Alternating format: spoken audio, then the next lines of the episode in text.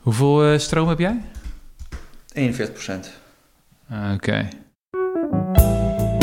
Dames en heren, trouwe luisteraars van de Rudy en Freddy Show. Welkom. Ja, welkom. Jesse, wil je even vertellen waar we zijn? Wij zijn in Houten. Mooi. Ja, nou ja, god, ik was er al een tijd niet geweest. Vond je het ver? Niks veranderd, hè?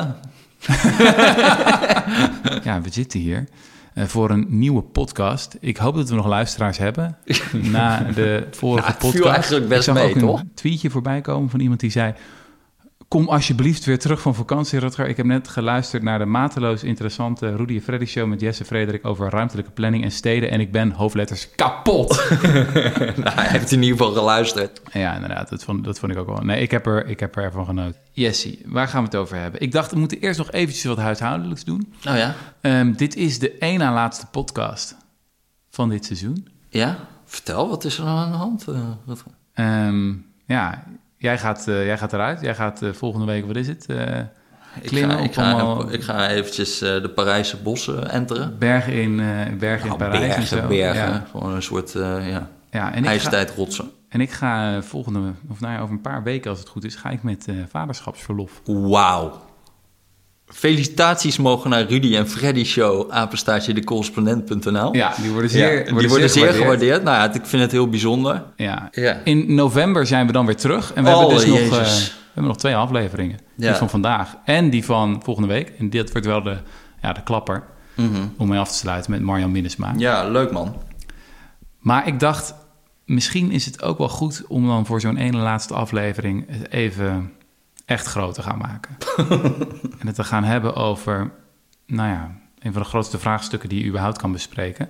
Namelijk, wat zullen de historici van de toekomst van ons vinden? Het zal wel weer niet best zijn, hè? Het is natuurlijk altijd interessant dat als je terug kan kijken op, laten we zeggen, de Grieken of de Romeinen of op de middeleeuwers. Ja, dat we in bepaalde opzichten natuurlijk het heel knap vinden. Dingen die ze hadden gedaan, het Pantheon in Rome. Ik weet niet of je er wel eens geweest bent. Mhm. Best wel lijp dat je denkt, hoe de- deden ze dat? Maar in heel veel andere opzichten vinden we ze natuurlijk ook een beetje barbaars. Eh, Gladiatorengevechten, heksenverbrandingen, slavernij. Mhm. En dan vraag je je af, hoe zullen de historici van de toekomst op ons terugkijken? Is het nou zo dat wij de top van de beschaving hebben bereikt en dat we ja, nog een beetje de, de scherpe kantjes ervan af moeten schaven? Of zijn er nu ook echt morele catastrofes aan de gang? Zijn we dingen aan het doen waarvan mensen straks zullen zeggen van... wow, wat die mensen toen deden in Nederland aan het begin van de 21ste eeuw... dat was echt afschuwelijk. Dat was misdadig. Ehm, ik heb eh, in mijn vakantie een paar eh, boeken gelezen die eh, me daarover aan het denken zetten. Ook één paper trouwens. kan ik zeer aanbevelen aan iedereen. Het paper heet, van, heet The Possibility of an Ongoing Moral Catastrophe. Het is geschreven door Evan G. Williams, een filosoof. Komt uit 2015. En hij heeft een heel interessante ehm, redenering eigenlijk waarom hij zegt... het is eigenlijk best wel waarschijnlijk dat we op dit moment in het midden zitten van een morele catastrofe. Weet je, vergelijkbaar met nou ja, de slavernij of heksenverbrandingen of genocide. Ehm, en het eerste wat hij zegt is van... het zou wel heel toevallig zijn als we nu een soort van het, de top van de beschaving hebben bereikt. Iedere samenleving dacht dat altijd. Weet je wel, de Romeinen dachten van... nou ja, wij eh, zijn heel beschaafd, want wij doen niet meer aan offers, mensenoffers. Weet je wel, en dat eh, deden dat doen de bewaren, wij doen het niet meer. Dus het zou soort van wel heel toevallig zijn als wij dan precies eh, goed zitten. Mhm. En een ander argument wat hij geeft is... van heel veel dingen zijn we vrij zeker dat het niet een heel groot probleem is. Maar ehm, er is misschien een kleine kans dat het wel een heel groot probleem is. Ik geef maar een voorbeeld. Ehm, we sluiten heel veel mensen op in gevangenissen. We zijn er redelijk zeker van dat dat wel gerechtvaardigd is. Nou, we hadden een onlangs podcast met Jurgen Hamer over de vrije wil. Die heeft er hele andere ideeën over. Dat misschien in heel veel gevallen een gevangenisstraf nooit gerechtvaardigd is. Maar laten we zeggen, we zijn 95% zeker dat het wel in bepaalde gevallen toegestaan is om mensen op te, eh, op te sluiten. Maar we weten het misschien niet 100% zeker. Nou, als je dan het sommetje maakt en je hebt, eh, hij, hij legt dat uit van stel nou dat je, je hebt eh, een hele reeks van dingen, eh 15 van dat soort dingen, waarvan je 95% zeker bent Mhm. dat je goed zit, dan is de kans dat je op alle die 15 dingen goed zit, is 46%. Ja, Dus de kans is dan groter dat je, kunnen we een muntje opwerpen. ja, precies, dat je, dat je verkeerd zit. Ja. En ehm, ja, dat is eigenlijk het, eh, het thema van vandaag. Ja. waar ik het over zou willen hebben. Ehm, doet het iets met je? Nou ja, tuurlijk. Ja, nee, dit is wel fascinerend natuurlijk. Van, eh, wat zijn nou de grote dingen waar je dan eh, op gaat terugkijken? Ik denk dat dat vegetarisme en zo, waar we het over hadden... dat is natuurlijk echt zo'n ding. Ja, dat is natuurlijk het makkelijkste, Makkelijkste voorbeeld. voorbeeld, ja. dat je echt denkt van oké, de schaal is zo groot. En ook als we verkeerd zitten, dan is de misdaad zo groot... omdat er eh, weer gewoon de hoeveelheden dieren die we slachten op jaarbasis... dat is immens. Ja. Eh, ik, zal, ik had een ander boek ge- gelezen deze vakantie van eh, Jill Lepore. Ik weet niet of je haar kent, Amerikaanse historica. These Truths. Die, moeilijk uitspreken als uh, Die houdt ineens. These Truths. anyway, deze waarheden. Ja. Ehm, en ehm, dat gaat eh, natuurlijk voor een heel belangrijk deel over de slavernij. Want de geschiedenis van Amerika is zo door en door verbonden met die slavernij. En ik vond het toch wel een geweldige herinnering aan het feit dat die mensen die slaven-eigenaren waren, overigens van de founding fathers van de VS, die waren dat allemaal, behalve John Adams, maar gewoon al die namen, Thomas Jefferson en Benjamin Franklin, weet je wel, de, de grote wijsgeren, de grote staatsmannen, allemaal eh, hadden ze slaven in hun bezit. Met frisse tegenzin. Ja, ja, Benjamin Franklin zeker. Ehm, die had er dan wel allemaal een soort van... ja, nee, ik ga ze dan wel bevrijden, weet je wel. Dat hij had dan in zijn testament gezet en zo. En hij had wel een soort van... Dus hij wist eigenlijk wel dat het niet helemaal deugde dan. Ja, hij doet me een beetje denken aan... aan bepaalde opzichten aan mijn eigen lafheid op sommige thema's. Van dat je wel weet dat bepaalde kleding misschien niet helemaal deugt. Dat je wel weet dat misschien te veel vliegen niet goed is. En zeker met, met eh, vlees eten, wat ik, wat is het, 30 jaar heb gedaan. Dat je het van wel wist van, hm, dat is niet helemaal oké. En ik ken ook wel mensen die best wel intellectueel stevige betogen neerzetten... van dat het niet oké is. En dat vind ik ook wel interessant. Maar ja, ja, toch lastig. En ja, het is nou eenmaal zo verankerd, enzovoort, enzovoort. Uh, Joe Lepore vertelt één verhaal, echt fascinerend verhaal over een... Um, man die heet Benjamin Lay. Dat was een Quaker. Quakers, dat waren, uh, is een tak van het christendom eigenlijk. Die waren afgesplitst van de kerk van Engeland. Mm.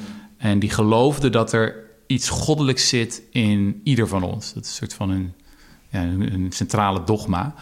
En wat heel interessant is, is dat het juist die religieuze types waren. Niet de verlichte wijsgeren en zo. Die waren er ook wel. Maar vooral dat soort kwekers die de eerste abolitionisten waren. Dus die tegen de, de slavernij waren en dat wilden afschaffen. Uh, omdat ze dachten van ja, er zit iets goddelijks in ieder van ons. Uh, dus ook in, in zwarte mensen. Um, of in uh, slaafgemaakten. En... Um, die Benjamin Lay, dat was dus een uh, figuur. Er is, er is één moment geweest in de jaren 1730 dat hij naar een grote bijeenkomst ging van kwekers, kwakers noem je dat trouwens in het Nederlands. Ik heb oh, een ja. beetje gecheckt van, kan je nog lid worden? Want als je nog zou aan willen sluiten ja, bij de geloof, er, zijn, er zijn er echt nog maar een paar, een paar van die. Het was een hele grote religieuze ja, beweging, toch? Ja, het was heel groot, ja. En misschien op sommige plekken, maar in Nederland is het echt heel uh, minuscuul volgens mij geworden. Oké. Okay. Um, maar in ieder geval was een grote bijeenkomst in uh, New Jersey.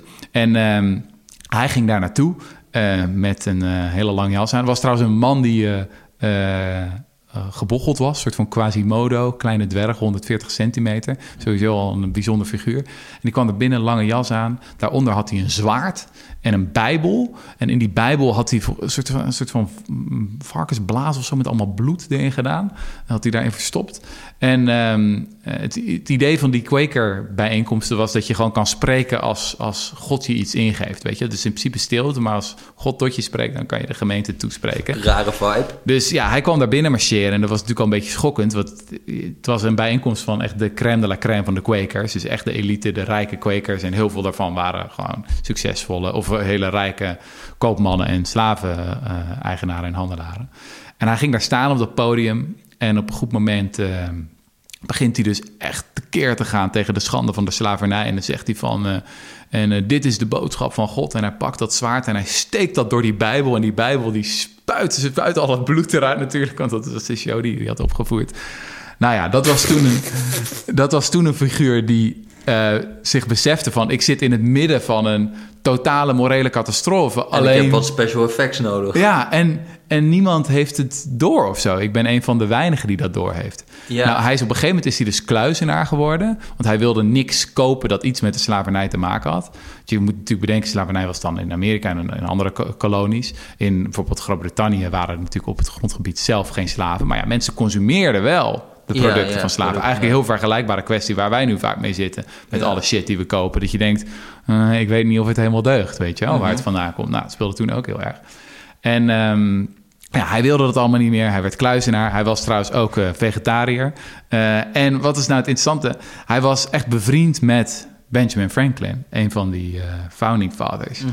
En ehm, ja, het, het, het, het doet me echt denken soort van aan... of het stelt heel erg zelf de vraag van... wie zijn dan nu de gekkies of zo? Nu de, de Benjamin Lees, de gebochelde Quasimodo's... die met hun gekke performance art de grote vragen stellen. Eh, en dat er dan wel, weet je wel, de redelijke progressieve intellectuelen... als Benjamin Franklin of zo, die vinden dat dan wel interessant. Maar die hebben uiteindelijk niet het lef om echt... eh, Ja, want wat vond hij daar dan van, die, die Benjamin? Die zat gewoon eh Nou, hij is, dus, te hij is even gestopt ook met vlees eten trouwens, Benjamin Franklin. Maar op een gegeven moment was hij toch weer begonnen, want hij had gezien...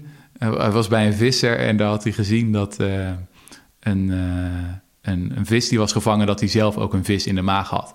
Dus toen dacht hij, ja, ja, misschien kan het toch wel weer. Maar het was ook Ja. wel een beetje lafheid, ge- Ja, volgens ja, mij. ja, ja. En eh, ja, met, met rondom die slavernij, dus heel erg die ambiguïteit. Dat is sowieso echt, ja, wat ik zei, de kern van, van die, die geschiedenis van hoe de Verenigde Staten werd gesticht. Enerzijds deze waarheden van alle mensen zijn gelijk, eh, iedereen heeft onvervreembare rechten. Mhm. Maar ja, slaven niet. Dat zijn eh, drie vijfde zijn ze mens. Ja, Wist je dat?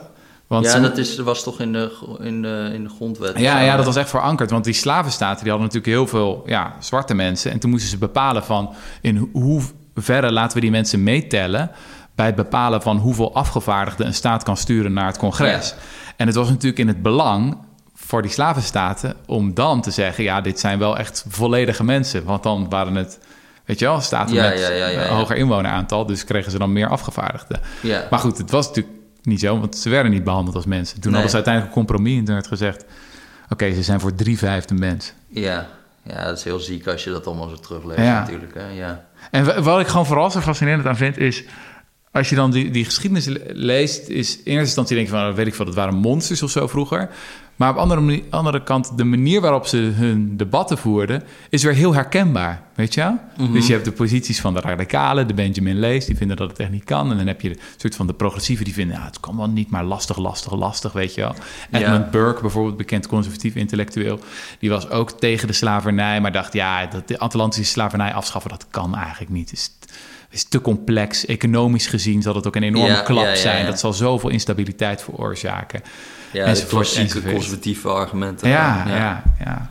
Dus ehm, ja, dat is een beetje het thema ook van een, eh, van een nieuw project. Misschien een nieuw boek waar ik, wat ik zou willen schrijven. Van wie zijn dan de mensen die, die eh, dan wel aan de goede kant van de geschiedenis staan. Mhm. En die, in het, eh, die ons verder kunnen brengen. Ja, ik had dus laatst een beetje, nu, nu ik is een raar bruggetje, maar je Mm. begint over die vis die die vis eet. Ja, Ik had dus laatst een paper gelezen van eh, Tyler Cowen. ja. En eh, Tyler Cowen is die econoom. ja, zijn econoom is wel echt een fascinerend figuur. Marginalrevolution.com. Ja, Maar die, dat was dus een paper en dat heette Policing Nature. ja, En eh, ik kon niet helemaal beoordelen, maar dat is vaker bij hem, van of hij nou serieus was, of dit soort was bedoeld als een soort van, hey, vegetariërs, eh, denken jullie wel na, of dat hij doodserieus was. En dat was Ja. ook het fascinerende eraan. En zijn punt was heel erg van, eh, ja, als we dan vinden dat we ons eigen gedrag ten opzichte van dieren moeten reguleren en dat we daar gewoon, ja, dat we ons vriendelijk tegen hun moeten gedragen, moeten we dan ook niet het gedrag van dieren tegen dieren reguleren? Mhm. Wat is precies de basis van dat we zeggen, we zijn vegetariërs, van nou, we willen het leed minimaliseren in de wereld. ja. Maar tegelijkertijd weten we dat er in het dierenrijk gewoon ook wel een paar sociopathische dieren rondwandelen. Die, die gewoon tering veel anderen helemaal kapot maken. ja. Dus hij zegt, moeten we dan niet wat agenten in de natuur zetten om dat allemaal tegen te houden, Ja. wat, die, wat zij doen. ja. En dan denk je al heel snel van, ja, maar dit, dit, dit gaat wel eh, heel erg ver allemaal. Maar, en, en, maar hij, gaat, hij, hij werkt dat dan toch wel uit tot een punt dat je denkt, ja, Want hij zegt, oké, nou ja, als je dan echt, eh, weet ik veel, rond bij de tijgers gaat zitten staan en zeggen van, ho, stop, doe even lief tegen die antilopen. Ja. Ja, dat, dat is misschien ook niet zo effectief, want het kost ook een heleboel. Hè, dat, en eh, de hoeveelheid levens die je daarmee redt, ja, het schiet ook allemaal niet zo heel erg op. Ja. Maar we hebben ook heel veel beleid wat eigenlijk niet zoveel kost, maar waar we wel een heleboel dierenlevens mee zouden kunnen redden door andere dieren tegen te houden. Ja. Dus één, voor, één groot voorbeeld, maar dat noemt hij niet, maar dat is eh, bijvoorbeeld katten.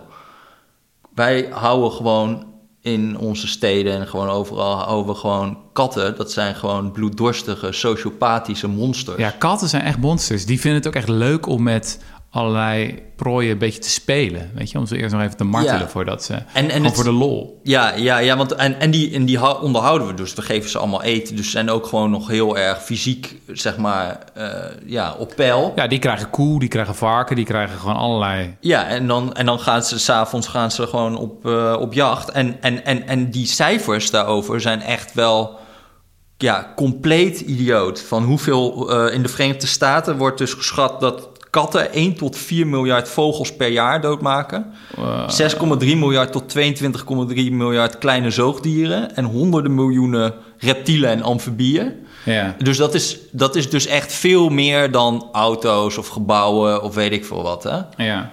Dus oké, eh,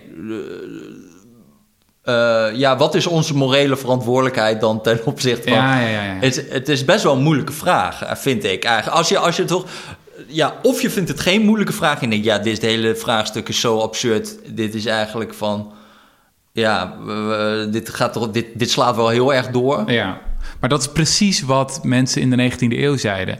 Weet je, er zijn debatten bekend in het, in het parlement, bijvoorbeeld in Groot-Brittannië, dat mensen zeiden van ja, slavernij kan niet. En we zouden ook, weet je wel, zwarte mensen zouden we rechten moeten geven. En dat er dan hoongelach kwam. En dan zeiden, dan zeiden mensen, ja, what's next? Vrouwen ook rechten, weet je wel? Wat is dit voor absurd? En keihard gelachen. Ja. Dus als je als je jezelf dan heel hard hoort lachen bij dat soort dingen, van oh, het is absurd, weet je wel, iets doen aan het lijden van wilde dieren, natuurlijk kan dat niet. Ja, het is natuurlijk wel zo dat we dat wel vaker hebben gedaan. Of je kan het zou kunnen zeggen dat deze hele geschiedenis samen te vatten valt als een, ehm, een groeiende cirkel. Weet je, die filosoof Peter Singer, waar we Mhm. eerder afleveringen het ook over hebben gehad, toen we het hadden over effectief altruïsme. Die heeft zo'n boek geschreven ook, dat heet The Expanding Circle. En die zegt eigenlijk, historisch gezien, ehm, ja, is onze kring van wezens waar wij omgeven, is steeds verder gegroeid. Dus eerst waren het alleen de mensen van, laten we zeggen, onze stam, toen van onze stad, toen van onze staat, weet je wel. We zijn allemaal eh, Nederlanders of zo, daar geven we om. Toen van eh, samenwerkingsverbanden van staat, toen werden we misschien cosmopoliet. Toen was het ook van, hey, niet alleen witte mensen, maar ook zwarte mensen. Op een gegeven moment ook niet alleen mannen, maar ook vrouwen. Eigenlijk elke keer...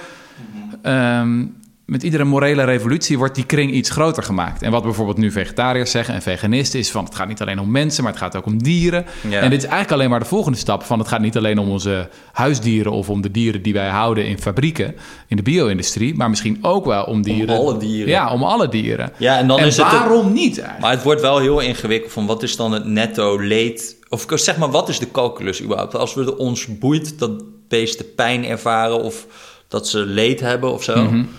Dan, nou ja, één kat leven, één kat die maakt, weet ik veel, per jaar 20 of... Nee, veel meer. Ik weet niet hoeveel dieren die doodmaakt.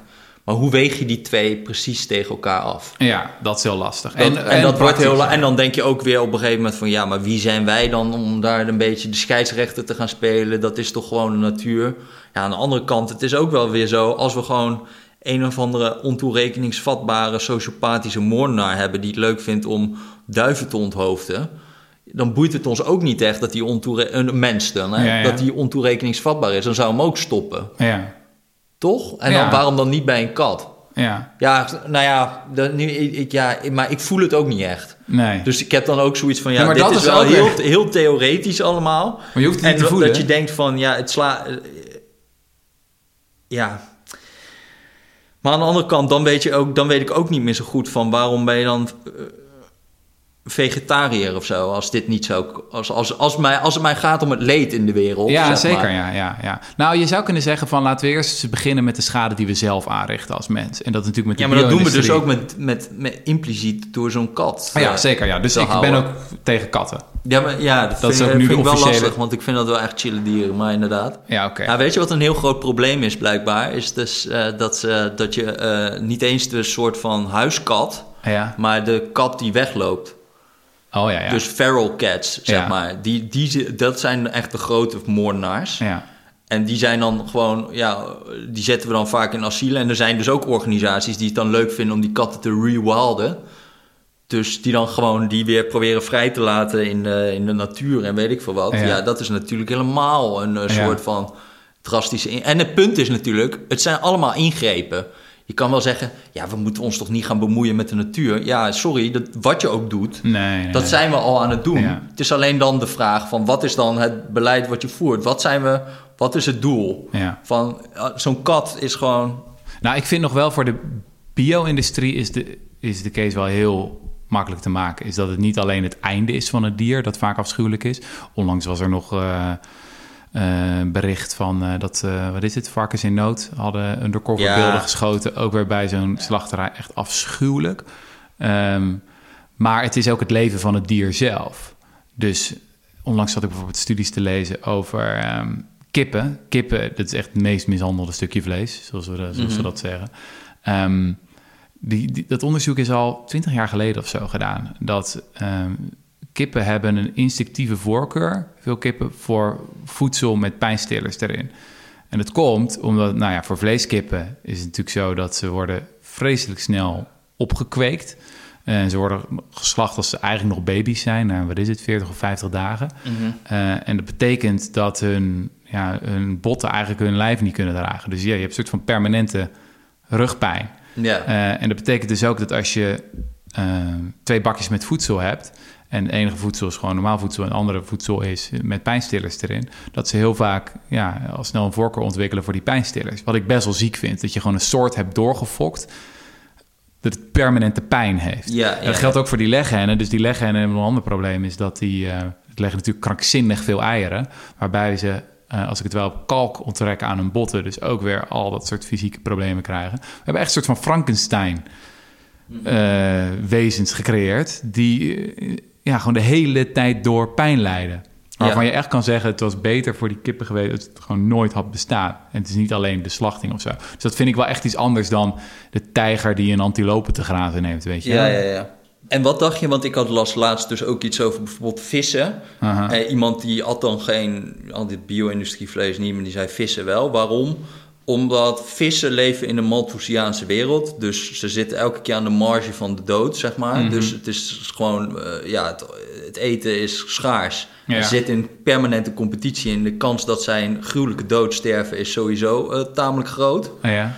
Dus als wij ze eruit vissen, is het eigenlijk ja, het marginale verschil met de dood die ze toch al gaan sterven, is eigenlijk bijna nul. ja. Dus moreel gezien is dat eigenlijk niet zo erg. Wat ik interessant vind, is dat er voor het slachten van vissen eigenlijk vrijwel geen regels zijn. Weet je, je kan ze gewoon optakelen. En heel vaak doen we dat dan te snel, waardoor weet je, die compressieverschillen, Ja, dat duikers ja, ja, ook problemen hebben, dat ze gewoon uit elkaar knallen of zo. Ja, Ehm, eh, en je laat ze gewoon doodspartelen op het dek van een schip. Ja. Wat, ik bedoel, met een koe of een varken zou dat nooit kunnen. We hebben nog een beetje regels over hoe we ze doodmaken. Regels waar we ons dan vervolgens niet aan houden. ja. Ehm, maar dan is het tenminste nog iets. Maar met vissen is...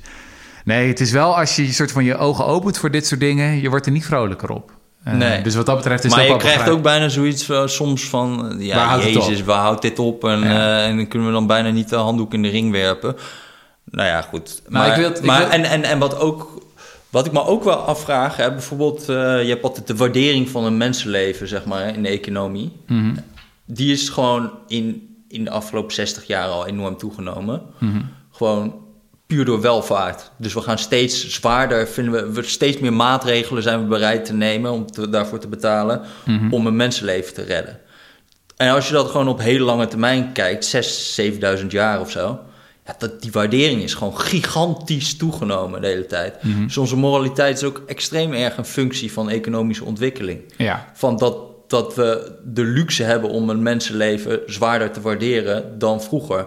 Be- Bedoel ik niet totaal relativerend van, oh ja, die mensen toen die hadden geen keuze van, ze moesten wel slavernij. Dat is natuurlijk ook weer niet zo. Ja. Maar het is wel, eh, het, de, het spectrum aan opties is nu veel groter dan toen. Ja, gewoon puur omdat je rijker bent, kan je meer leven. Ja, dus ik denk ook wel van, van dit soort van die ge- gekke ideeën van... eh, eh, ja, moeten we niet iets doen met de, eh, met de, de natuurpolice of zo? Dan, dan denk ik ook, ja, misschien nu niet, maar over 100 jaar... en, eh, we hebben echt niks meer moreels te doen dan misschien wel. Ja, ja. Of, eh, ja, Sowieso kan je je afvragen of technologie niet de bepalende kracht is in het ontwikkelen van onze moraliteit. Bijvoorbeeld, neem feminisme. Het is natuurlijk een ongelooflijk belangrijke rol gespeeld door heel veel dappere eh, mannen en vrouwen die eh, streden voor gelijke rechten.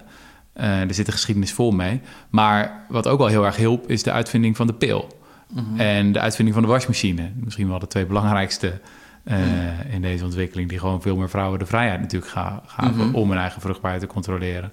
En om ehm, ja, minder tijd kwijt te zijn in het huishouden. Ja. En dat kan ik me ook voorstellen. We hebben het eerder over gehad over eh, het ontwikkelen van kweekvlees. Dat die ook ons in staat stelt om ineens allerlei normen en waarden erop na te houden die eerst niet konden. Ja, weet je wat ook heel ingewikkeld is? Van hoe weeg je het heden af tegen de toekomst? We hadden het net al over die rente. Hè? Dat heb je, je hebt ook een rekenrente met moraliteit. Eh, eigenlijk. Nou, Er wordt ook heel veel over gediscussieerd. Bijna alle van, van wat is de social discount rate? Dus hoe, hoe waardeer je bijvoorbeeld een dode nu ten opzichte van een dode over 100 jaar? Dit is eigenlijk een manier om de cirkel nog groter te maken, toch? Dat je zegt niet alleen mensen en dieren nu tellen, Ja. maar ook mensen en dieren in het jaar 2100 of 2200 of Ja. 3000 of over 100.000 jaar. Ja, en dan, en dan is dus een, een, een, een, een, een rekenrente eh, zegt eigenlijk hoe, hoe zwaar waarderen we de toekomst. Ja. Dus als je dat even, eh, zeg maar, als we zeggen de rekenrente is 5%, dan staat een dode nu staat gelijk aan 131 doden over 100, j- 100 jaar. Ja. Maar een rekenrente is natuurlijk, dat, nou ja, we hebben met COVID geleerd wat exponentiële functies doen. Over Ja. 500 jaar heb je dan al over 39 miljard doden. ja. Dus één dode nu gelijk aan 39 miljard doden over 500 jaar als de rekenrente 5% is. Maar als, het, als je zegt een rekenrente hebt van 1%, dan telt een dode nu voor 144 doden over 500 jaar. Ah, ja. Ah. Snap je? Dus eh, hoe je die precies neerzet. En dat is ook een hele grote input in discussies over klimaatverandering en dergelijke. Van oké, hoe wegen we nu de toekomstige kosten en baten van alles wat we doen? Ik zeg het nu in doden. Maar je kan het ook in eenheden, geluk, ja, wat de fuck dat ook mag zijn. Maar eh, eh, hoe wegen we die tegen elkaar af? ja. En dat is best wel, als je daarover nadenkt, echt een ingewikkelde vraag. Want je, ik denk dat wij het toch wel een beetje slordig zouden vinden als we nu wakker worden en zeggen: Nou, er moeten een miljard mensen dood omdat Cleopatra 300.000 jaar geleden een toetje wilde eten. Ja. Snap je? Ja, ja, ja. Maar tegelijkertijd, eh, dus dan zou je zeggen: ja, de, de rekenrente moet eigenlijk ja, bijna nul zijn. Want al, elke keer als je een positieve rekenrente kiest, dan zal het op termijn, omdat het een exponentiële functie eh, is, krijg je op termijn een punt waarop het eh, totaal uit de hand loopt met van één dode staat gelijk aan een miljard. Of zo. Ja, ja. Hè? Dus of het nou 0,1 is of, eh, of 1 of 5, op een gegeven moment komt dat punt. Ja. Maar dan krijg je natuurlijk hele rare conclusies, zoals wat ik net zeg, met zo'n Cleopatra die dan iets doet waardoor je over 2000 jaar in één keer eh, het rechtvaardigt dat er een miljard doden zijn. Ja. En dan hebben wij zoiets van, ja maar hallo, echt niet. Ja, Waarom is een dode toen meer waard dan nu of zo? ja, ja. ja. Maar, wij, maar niemand handelt daar echt naar. Nee, Van, we, we, we, we, wegen, de- we wegen het heden veel zwaarder dan de toekomst. ja. Ehm, eh, ja, en, en, en dan krijg je ook natuurlijk hele ingewikkelde vragen. Ik bedoel, we hadden het met die Koen Teulings, die podcast, Mhm. hadden we het over, eh, nou ja, jij hebt er ook over geschreven, over de landbouwrevolutie. Mhm.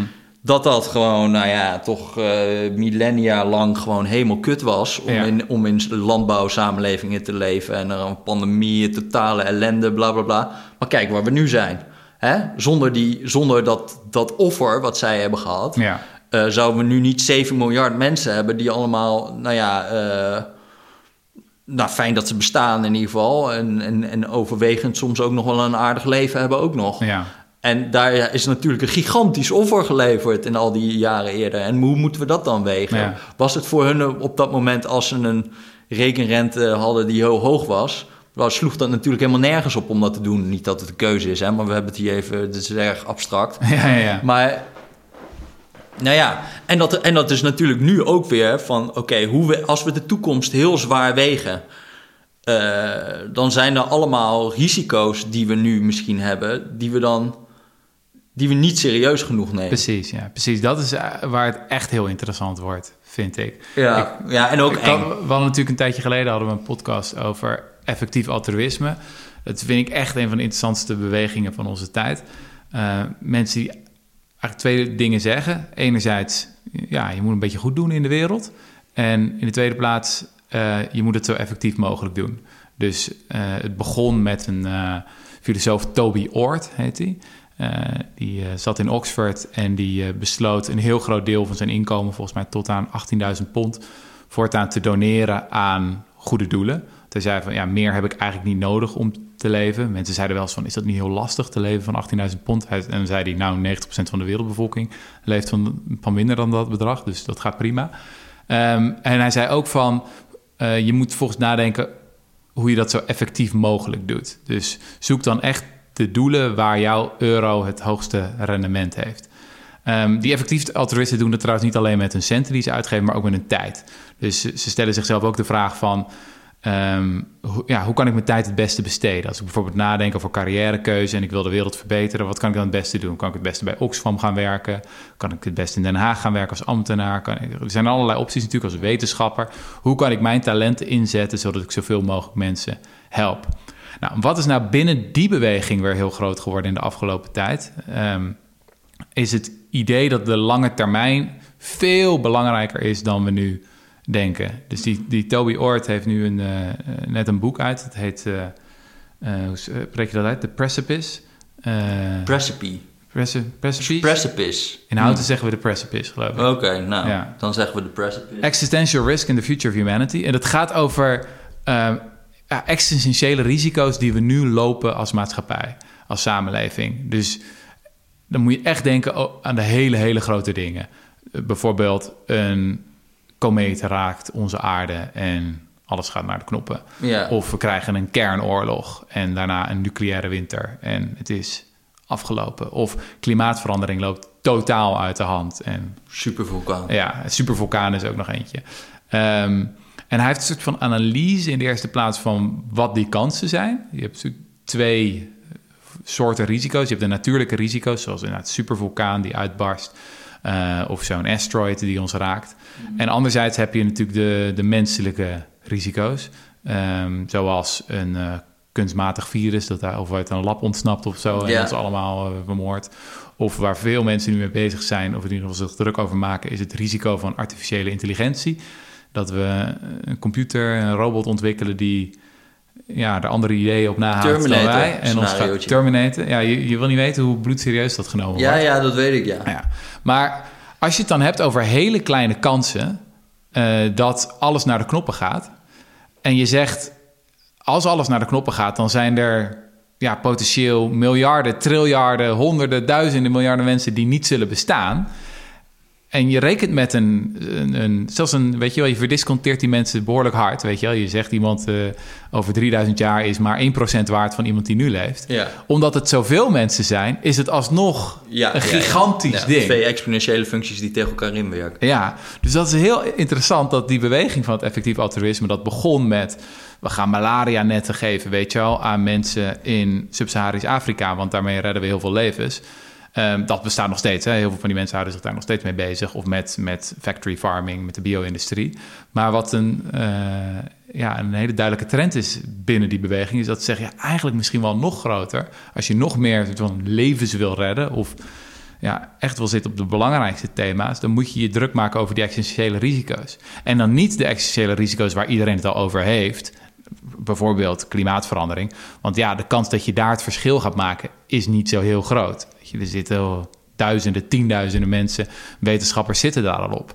Maar bijvoorbeeld het risico van een... eh, een virus dat wordt gefabriceerd en uit het lab ontsnapt, Ja. ja, dat is misschien wel gigantisch. Ja. Weet je wel? Het is natuurlijk naarmate technologieën zich verder ontwikkelen, worden ze steeds gevaarlijker. En, en, en naarmate. Kijk, met, met nucleaire oorlog was het zo dat, en dat is nog steeds zo, dat je best wel veel kapitaal moet hebben om een, om een bom te maken Mhm. en daarmee los te gaan. Ehm, maar het zou kunnen dat naarmate die technologie van, eh, eh, van de, in de biowetenschap zich verder ontwikkelt, dat het veel goedkoper wordt. Mhm. En dat de kans dat er een gekkie is die toegang krijgt Ja. tot zo'n virus, dat gewoon op een USB-stickje een paar, wat is het, een paar kilobyte, heb ik me laten vertellen, zou zijn, zoiets zou doen, wordt veel groter. En als je dan denkt over de potentiële implicaties daarvan, namelijk dat het al afloopt, weet je wel, dit hele Ja. menselijke experiment met alle gigantische offers die al door onze voorouders zijn gebracht, dan is het van het morele gewicht daarvan is bijna oneindig veel zwaarder dan al het andere wat we doen, weet je. Ja, dus stel dat, stel dat het 10.000 euro kost om een hele stad dood te maken. Hoe lang zou het gewoon duren voordat iemand gewoon 10.000 euro betaalt? ja. Dus Ja, de, is de, het kosten, de kosten eigenlijk van bepaalde technologie die echt totaal vernietigend is, die daalt. Ja, Waardoor je dan op een gegeven moment gewoon een punt krijgt waar je gewoon niet zo heel erg veel... Ja, de meeste mensen deugen, hè, maar goed, er zijn er altijd een paar... Nee, je hoeft maar één gek te zitten met, Ja. met totale vernietigingskracht en dan gebeurt het. En hij is dus over die natuurlijke risico's maakt hij zich niet zo druk. Want het blijkt dus een hele beperkte kans te zijn dat zo'n komeet ons raakt en dat dat tot alles, tot totale vernietiging... Ja goed, de dino's hadden verpechten mee. Ja. Maar dat gebeurt niet zo heel vaak. En sowieso natuurlijk het feit dat we al 2000 eeuwen bestaan en rondhobbelen over deze planeet... laat al zien dat blijkbaar de kans per eeuw dat het totaal misgaat door natuurlijke risico's... ja, is niet zo heel groot, want we zijn er nog. Eh, tenzij je gelooft dat er superveel andere planeten zijn... en dat wij een soort van de geluks... met mensen erop en dat wij de geluksvogels zijn. Anyway, wordt een beetje ingewikkeld. Eh, maar hij zegt die... ehm, soort van de risico's die we zelf eh, hebben gecreëerd met eh, klimaatverandering die totaal uit de hand loopt, maar vooral met eh, AI en met die ehm, eh, Biotech. biotech. Hij schat die heel hoog in. Dus hij, komt, hij heeft een beetje zo'n, zo'n... Het is natuurlijk de vraag van hoe serieus je moet nemen. Maar hij denkt dat de kans 1 op 6 is dat we als mensheid het einde van deze eeuw niet gaan halen. Ja, ja, ja, en denk aan als kernoorlog en zo. Dat is ook natuurlijk echt zo'n, echt zo'n ding van... Ja, het is, is, het is gewoon als er 0,5% kans is... Nou ja, dat is vrij hoog nog, maar... Ja, En je laat gewoon de, de teller lopen... Dan, eh, dan duurt het niet zo lang meer eh, of het gaat een keer mis. ja, Elk jaar. Ja. En, en ja, dat is... Ja, je hebt dat in die klimaatverandering, eh, die, ik, nou moet ik het wel goed vertellen, maar die Martin Weitzman, dat Mhm. is zo'n eh, zo'n klimaateconoom en die kwam op een gegeven moment met, eh, dat noemde hij de Dismal Theorem. Mhm. En dat ging eigenlijk ook over van, eh, oké, je hebt een klimaatverandering, eh, heb je dus eh, die relatie tussen, oké, meer CO2 en meer hogere temperatuurstijging. ja. Klimaatsensitiviteit of zo heet dat. ja, hoe gevoelig het klimaat reageert op onze uitstoot van Ja, op onze uitstoot. Ja. broeikasgassen.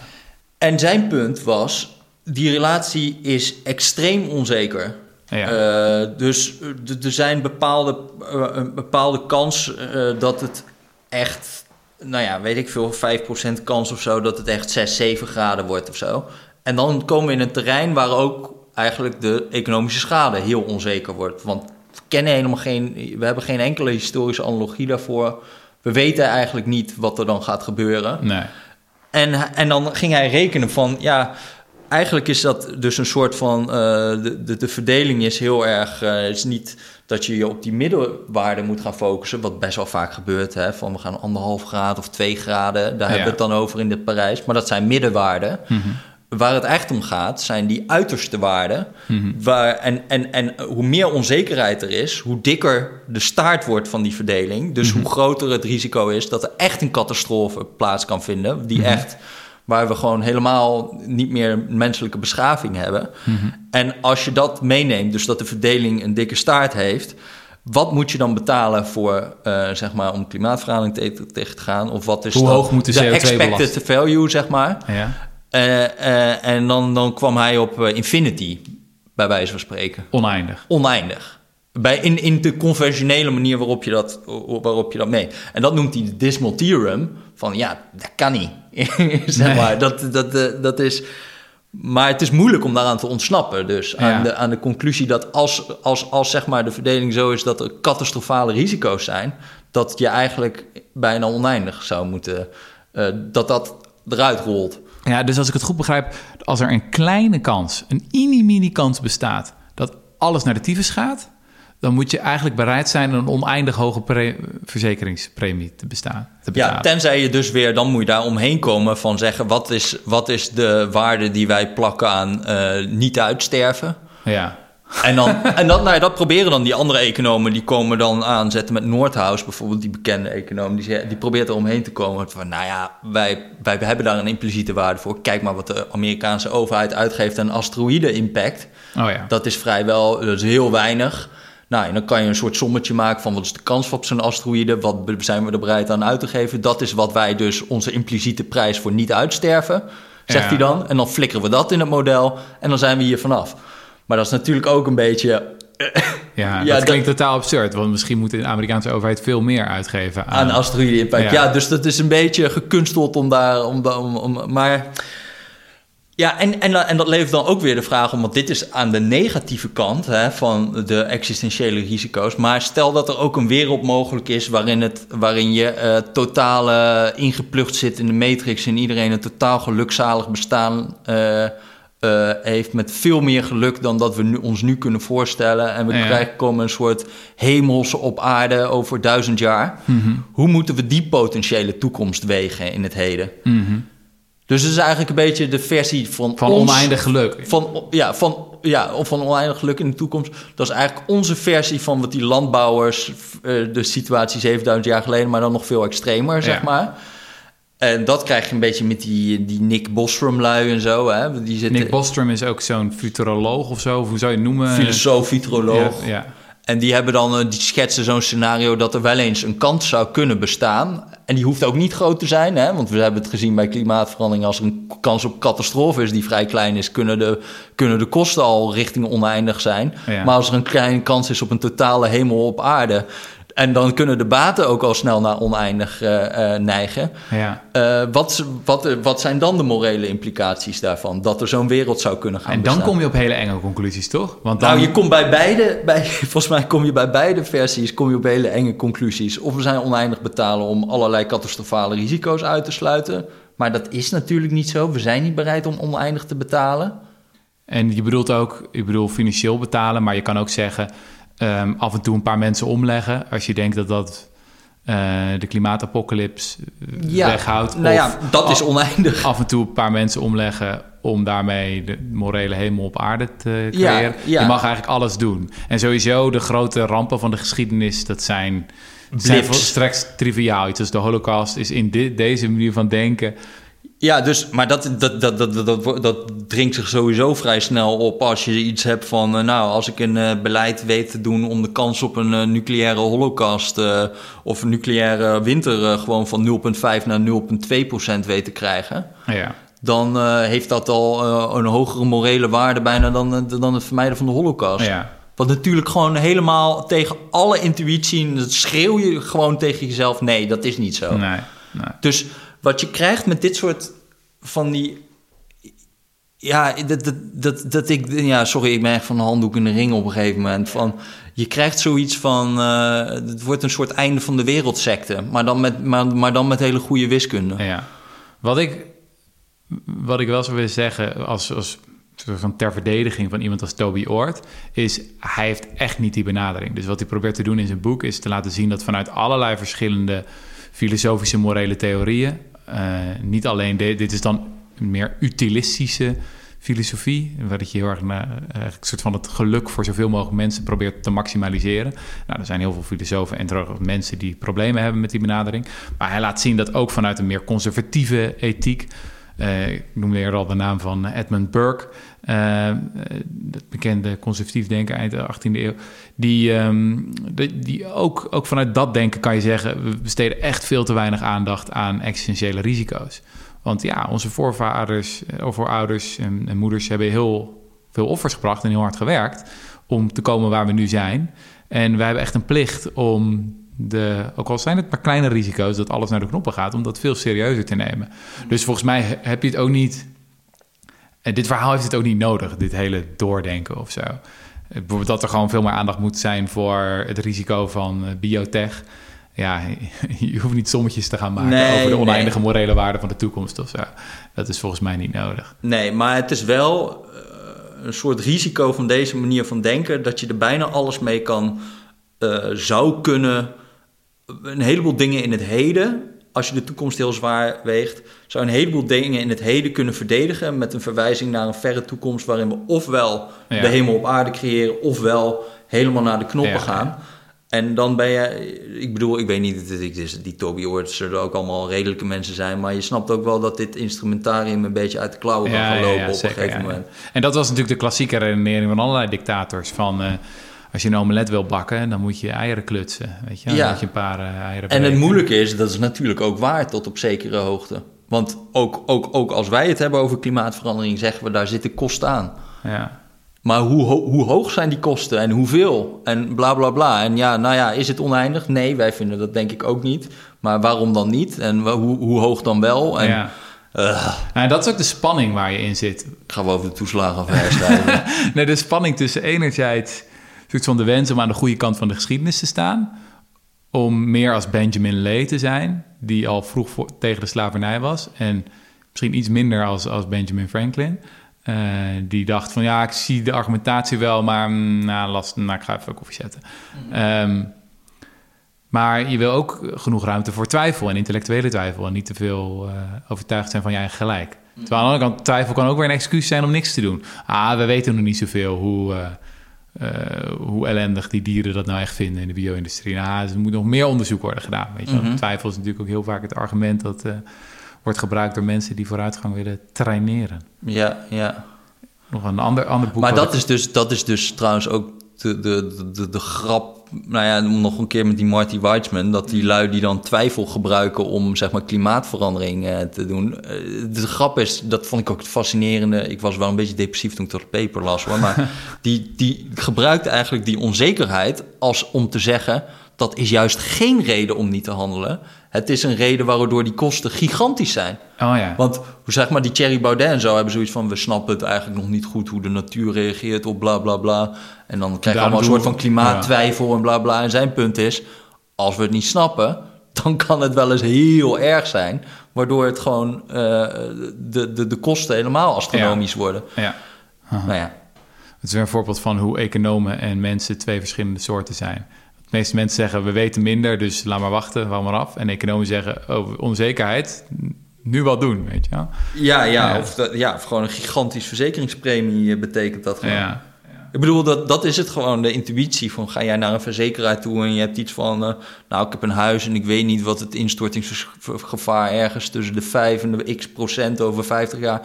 Nou ja, dan heeft zo'n verzekeraar, oké, eh, nou dat wordt dan een flinke premie die jij moet gaan betalen. Ja, en zo ja, moet je een CO2-prijs zien in principe. Een soort verzekeringspremie. ja, Ja. en die, hoe groter de onzekerheid is over de werkelijk catastrofale risico's, hoe groter die premie. Ja. Nee. Nou, eh, met die eh, conclusie Nou, wens ik jullie allemaal een prettige vakantie. Ja, prettige vakantie mensen. Ik vond het mooi. Ehm, word lid. Je Van de wordt lid van de correspondent. correspondent. eh, koop boeken. eh, Koop boeken.